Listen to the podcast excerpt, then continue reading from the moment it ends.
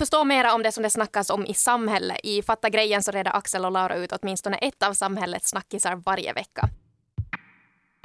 Vinter-OS invigs i Peking den 4 februari och en del hurrar, en del buar. Men oberoende känslan så är OS-spelen i Kina något som har väckt en hel del diskussioner i världen just på grund av Kinas kränkningar av mänskliga rättigheter.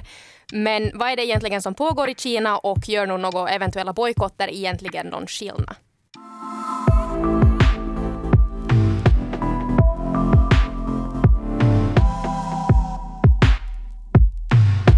Hur eh, mycket OS tänker du konsumera i år?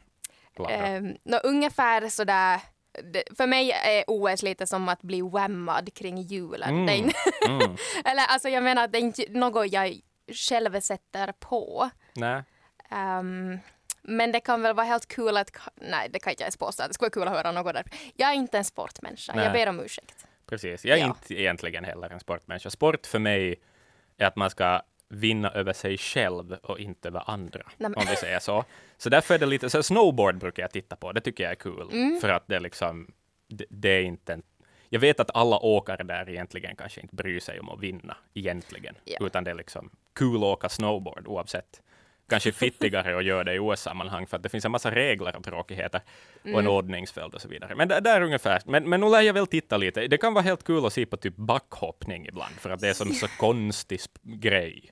Ja, men jag blir alltid så stressad att jag kommer inte att klara det. Men sen samtidigt så är jag ju nog en liten sadist för jag tycker typ just om att se ibland på skidning för jag tycker det är kul när de ramlar och tar med sig hela patrasket. Ja, det, det, ja, det Fast, kan nog också vara jättefarligt. Ja, jag, vet, förlåt, jag menar ju inte om de skadar sig, nej, men, nej, men om de lite rullar i snön så ja, ja, okay. ja, absolut. Det är ju ändå händelserikt. Det är ju då det går som det inte är tänkt som mm. verkligheten är som roligast. Men lite nyhetsrubriker får man väl lite hålla koll på i alla fall sådär, för Kina är ju Kina är i blåsvädret. Det är de, ja. Det har kommit en hel del rubriker de senaste veckorna och flera länder eh, på ett eller annat sätt bojkottar eh, vinter-OS. Och det här just på grund av då landets, Kinas kränkningar av mänskliga rättigheter, alltså det, det här grymma förtrycket de gör mot eh, uigurerna och hanteringen av Tibet och, och det hårdnande greppet om Hongkong och också andra kränkningar av de mänskliga rättigheterna. Uh, men, men, vi kommer nog också in mera på det här senare, egentligen, vad det här egentligen handlar om. Mm. Men, men jo, läget kan lugnt konstateras vara lite stelt, mm. uh, lite osäkert kring de här OS-spelen. Till exempel så har organisationen Global Athletes rekommenderar idrottare att inte prata om mänskliga rättigheter eller kritisera läget i Kina medan man är där. Okay. Uh, det här eftersom då varken den internationella olympiska kommittén, IOK, mm. eller då kinesiska myndigheter har kunnat garantera någon form av skydd åt de här idrottarna vilket innebär att risken för åtal är väldigt stor ifall man då mm. råkar just försäga sig eller man inte följer det här Kinas lagar. Precis, precis så, ja. så man har helt enkelt fått rådet att vara tyst. Det sägs att tävla, kom hem, tala sen. Okej, okay, så att lite sådär snällt få folk att gå med på att låta deras yttrandefrihet begränsas under en kort Ja, verkligen. Uh, och i Sverige och också till viss del så här Storbritannien och USA så har uh, där landets olympiska kommittéer också rekommenderat idrottarna och, och andra som åker till Peking att använda så, här, så kallade blanka telefoner, de här burner phones. Mm, just det. Uh, det vill som säga knarksmugglare och sånt brukar mm. ha burner phones också. Yep. Mm, bra. Ja, så man ska alltså inte, eller det rekommenderas alltså att man inte ska mätta med sin egen telefon utan man ska använda sig av de här prepaid-abonnemangen och, och sen just lämna telefonerna i Kina efter tävlingarna för att man helt enkelt då får räkna med att man blir övervakad och att ens tekniska utrustning då kan exponeras medan man är i Kina. Men vad är det egentligen som händer i Kina gällande de här människorättsfrågorna? Mm. Ja, ja tänkte lite berätta, passa på och mm. lyfta upp uh, uigurernas situation. Så uigurerna är alltså en muslimsk minoritet i Kina. Eh, sådär enkelt sagt. En, de flesta av dem är muslimer. De bor i Xinjiang-provinsen, som är i nordvästra Kina. Det är en jättestor del av Kina. Där bor ungefär 12 miljoner uh, uigurer då. Mm. Från början så var de ett turkiskt nomadfolk, det vill säga att de har liksom rört på sig jättemycket i världen och många av dem blev muslimer under medeltiden. Så att, och det är just det här med religion som är den känsliga frågan i att ja. vara uigur i Kina, för att kommunistpartiet då, som styr Kina är officiellt ateistiskt. Det ska inte finnas någon religion. Det var väl Karl Marx som någon gång i tiden sa också att religion är som opium för folket. Mm. Och det har kommunistpartiet följt slaviskt uh, sedan dess. Den där regionen, då, Xinjiang-provinsen, så har varje tiderna autonom. De har fått ha självbestämmande rätt sådär i korta perioder. Men 1949 så tog då kommunistpartiet makten över det här området också. Och eh, sådär på papper så är nog den där regionen ännu autonom i princip, men, mm. men inte i praktiken. Ja.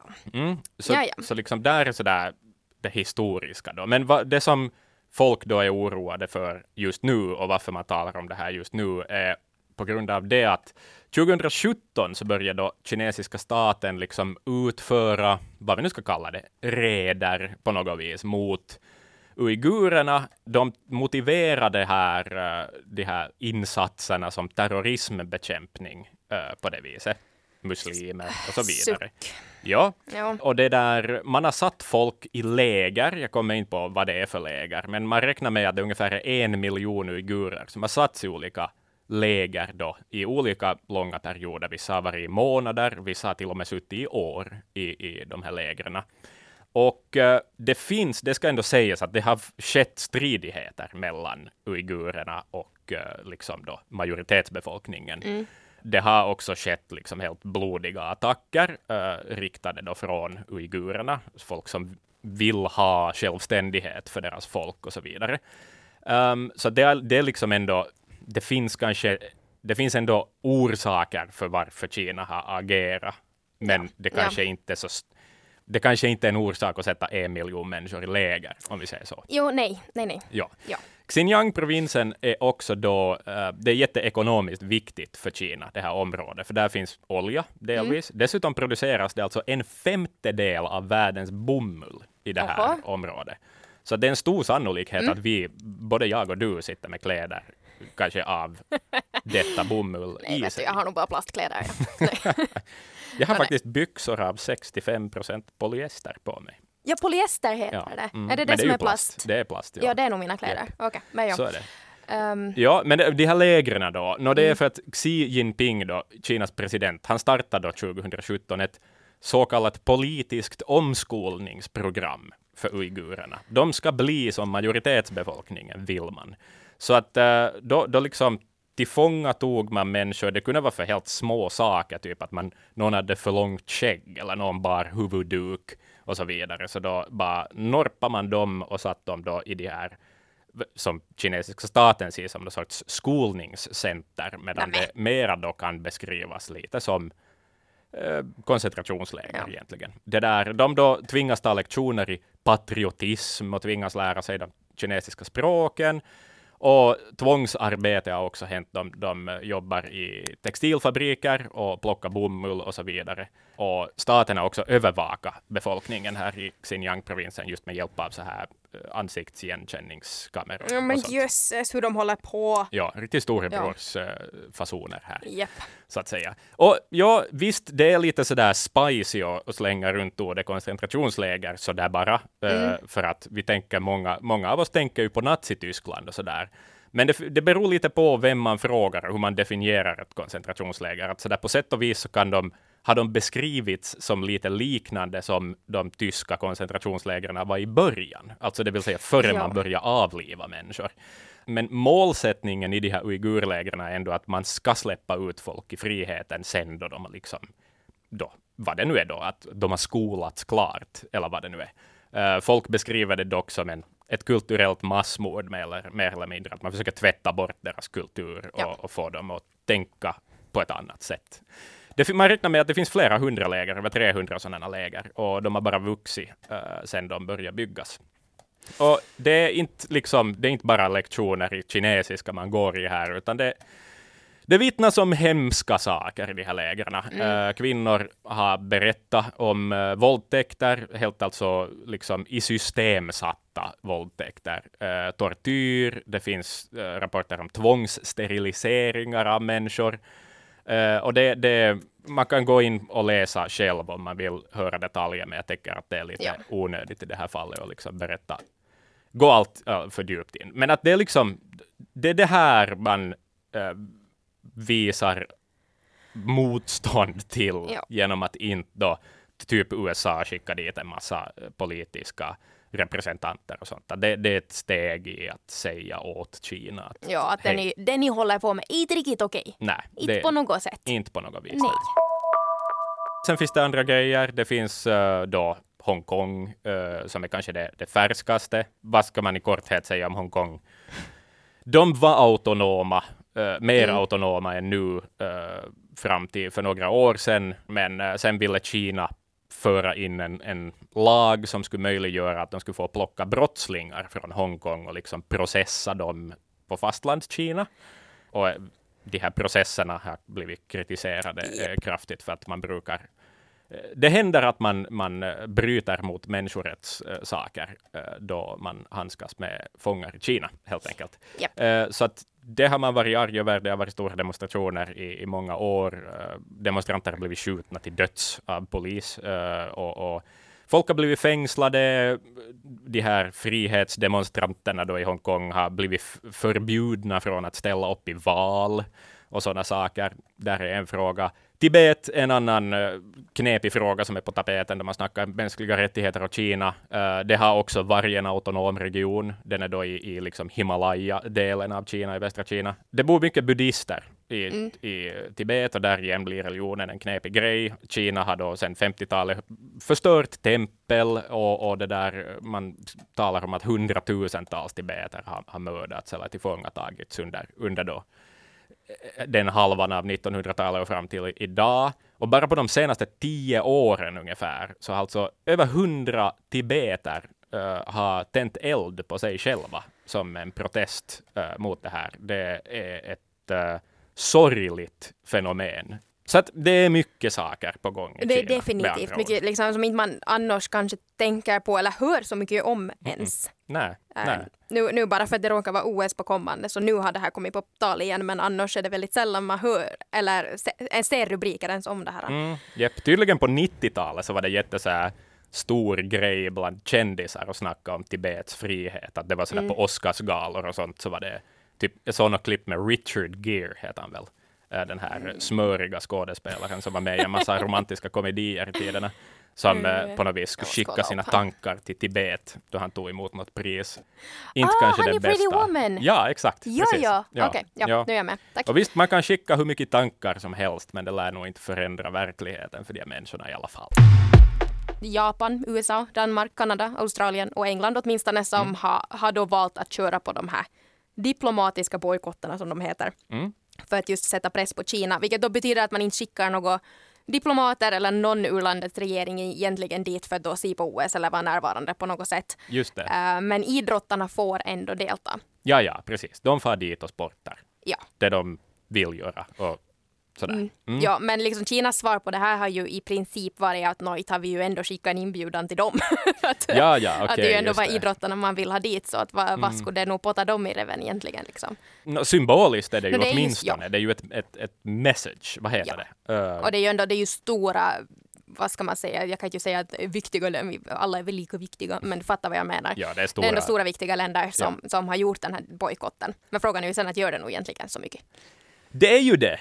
Faktum är att det har gjorts förr sådana här liknande saker, och större eh, grejer också, på 80-talet till exempel. 1980 så bojkottade 60 länder OS i Moskva för att eh, Sovjet hade då varit in och härjat i Afghanistan och det var man ledsen över. Och det där, eh, men det var då inte bara en diplomatisk bojkott, utan då handlade det också om att ett, ganska många idrottare inte helt enkelt åkte till OS. Och på det viset missa kanske sin enda chans att tävla i OS. Liksom. Så Kanske då piken av deras karriärer försvann. Ja, för det är väl inte riktigt så jättelätt att få med i OS. Det är väl nog mera sådär. Nå, man ska vara bäst. Man ska vara liksom. bäst. Det är Det- inte bara så att man fyller i ett formulär och tycker att men jag vill få dit. Nå ja, men vad ledde det här till då? Bojkotten av 1980 års OS? Nå, det ledde till att Sovjet då å andra sidan och 12 andra länder uh, inte skickade folk till OS i Los Angeles 1984, alltså fyra år senare. Det har också hänt tidigare under uh, apartheid-tiden då i Sydafrika. eh, på 70-talet så var det ändå några nya zeeländskt rugbylag som Mm. typ spelade där och det ledde då till att en massa länder, 30 länder, bojkottade OS i Montreal då 1976 på grund av det här och sådär. Ja, ja. Men, men det, vad ska vi säga, följderna av de här bojkotterna brukar oftast vara att det bara blir en motbojkott sen. Och Ylleri, det är kanske exakt vad som håller på att hända just nu också. Det var något kinesiskt statligt mediebolag som hade föreslagit att nej, Kina ska nog inte delta i Los Angeles OS nu 2028. Nå, det är en massa kostymnissar som flyger eller inte flyger på flygplan som är följden av, av de här bojkotterna, Ja. verkar det som.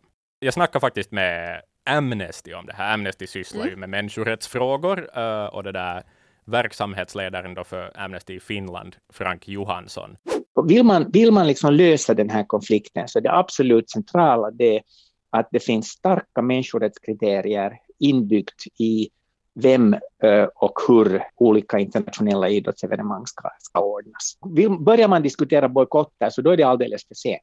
Då, då har liksom felet skett redan tidigare. Det löser inte de, de problemen, liksom att är man där eller är man inte där. En bojkott för en idrottsman kan betyda att, att de inte får vara med eh, i kanske sin eh, liksom, yrkeskarriärs viktigaste eh, evenemang. Mm. Eh, en hel generation idrottare kan bli utan det som de har jobbat för i flera år. Precis. Och sen vad gäller liksom politiker eller, eller andra dignitärer som kommer till ett idrottsevenemang, så då handlar det egentligen inte om idrotten, utan det handlar om någon form av politisk posering Mm. eh, som ändå inte direkt berör de problematiska frågorna. Det ska inte behöva hamna på idrottarnas ansvar att på något vis tala om människorättsfrågor. Eh, Frank eh, sa det att, att ja, oftast är de kanske inte de som är de mest insatta i de här frågorna, vilket är en helt valid point. De är där för att sporta och inte för att vara politiker. Eh, och liksom, visst ja, men man kan lyfta på hatten och, och, och liksom applådera deras mod om det är någon som vågar lyfta upp de här sakerna, men det är absolut inte på deras ansvar. Men inte vet jag att kan man göra något modigare heller än att ta en liten diplomatisk bojkott för det sen blir det snabbt farligt. Nå, det är ju det. Ja. Det är stora länder med mycket makt och, och. Kina är liksom det är där allting tillverkas och, och Mm. ekonomiskt så har de säkert jättemycket och, och sådär. Ja. Fucka upp om, om man riktigt ber dem om det, så att säga. Det kan ställa till det för jättemycket i världen. Och somliga av de här människorättsfrågorna har ju pågått liksom jättelänge. Då Mm. har vi om typ Tibet. eh, Så här. Och det är ju faktiskt inte väl så jättelänge sedan ens. Det var OS i Kina förra gången. Det var ju Nä. typ under min livstid. Ändå. Ja, jag var till och med ändå redan tio år sedan. Just det. Nej, precis. alltså för de som då inte vet hur gammal jag är, det ska inte man behöva veta, eh, så var det sommar-OS i Peking 2008. Mm, precis. Eh, Och då var också de här frågorna på tapeten. Kanske inte på, exakt på samma sätt, exakt samma ord, men det, det var stora diskussioner om mänskliga rättigheter. Och Kina av bland annat Europaparlamentet. Då, eh, så man kan ju också fråga sig att hur i 17 har inte något ändrat på nästan 15 år. Mm. Det har bara blivit värre. Det är inte heller bara i Kina som det här är ett problem eller har varit ett problem. Att, liknande saker har också varit aktuella på andra ställen. Till exempel herrarnas fotbolls-VM nu i, i Qatar som blir av i slutet av hösten, vintertiden där. Precis. Ja. Så det hade ju också varit en hel del diskussioner om. Rubrikerna säger att man där trampar på också på mänskliga rättigheterna, men om man går mera in på det så det, den här liksom VM-turneringen som Qatar har fått äran då att ordna, så det har ju krävt stora infrastrukturella satsningar och utbyggnader av bland annat arenor, vägar och tunnelbanor, vilket i princip alla de här länderna som ordnar någon form av sådana här tävlingar behöver. Ja, Eh, Men Qatar hade ju nog inte, nu inte från början. Eh, vilket då betyder att det har krävts mycket arbete. Det är miljontals kvinnor och män, främst från Afrika och Asien, som har rest till Qatar då för att arbeta. Mm. Eh, och de räknas eh, stå för upp till 95 procent av arbetskraften. Oj, just det. Ja. Det är tusentals av de här arbetarna som då har vittnat om att de har utsatts för tvångsarbete, att de inte har fått sina löner, att de tvingats arbeta oskäliga arbetstider utan några pauser. De liksom, och det är många som har dött till följd av det här arbetet. Det är osäkra arbetsplatser, de jobbar hårt.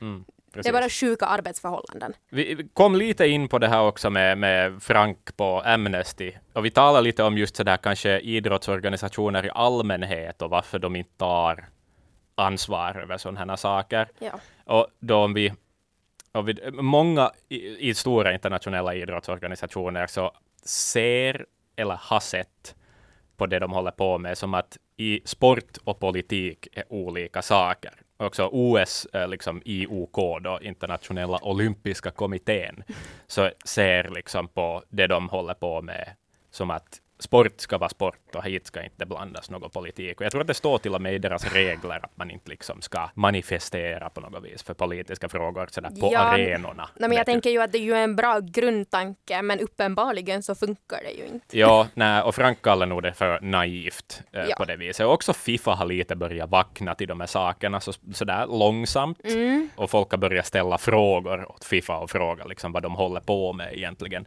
En lösning på de här eländigheterna som ändå händer runt sportevenemang och sånt, eh, som Frank såg det, att man borde se till att få in i sina egna system att det ska finnas liksom krav på att mänskliga rättigheter ska, ska liksom följas. Det finns liksom FNs då mänskliga rättigheter för företag existerar till exempel som sådana principer att följa. De skulle man kunna bygga in i de här sportorganisationerna också, fast de då kanske inte är företag, men de funkar ändå ungefär lite som företag.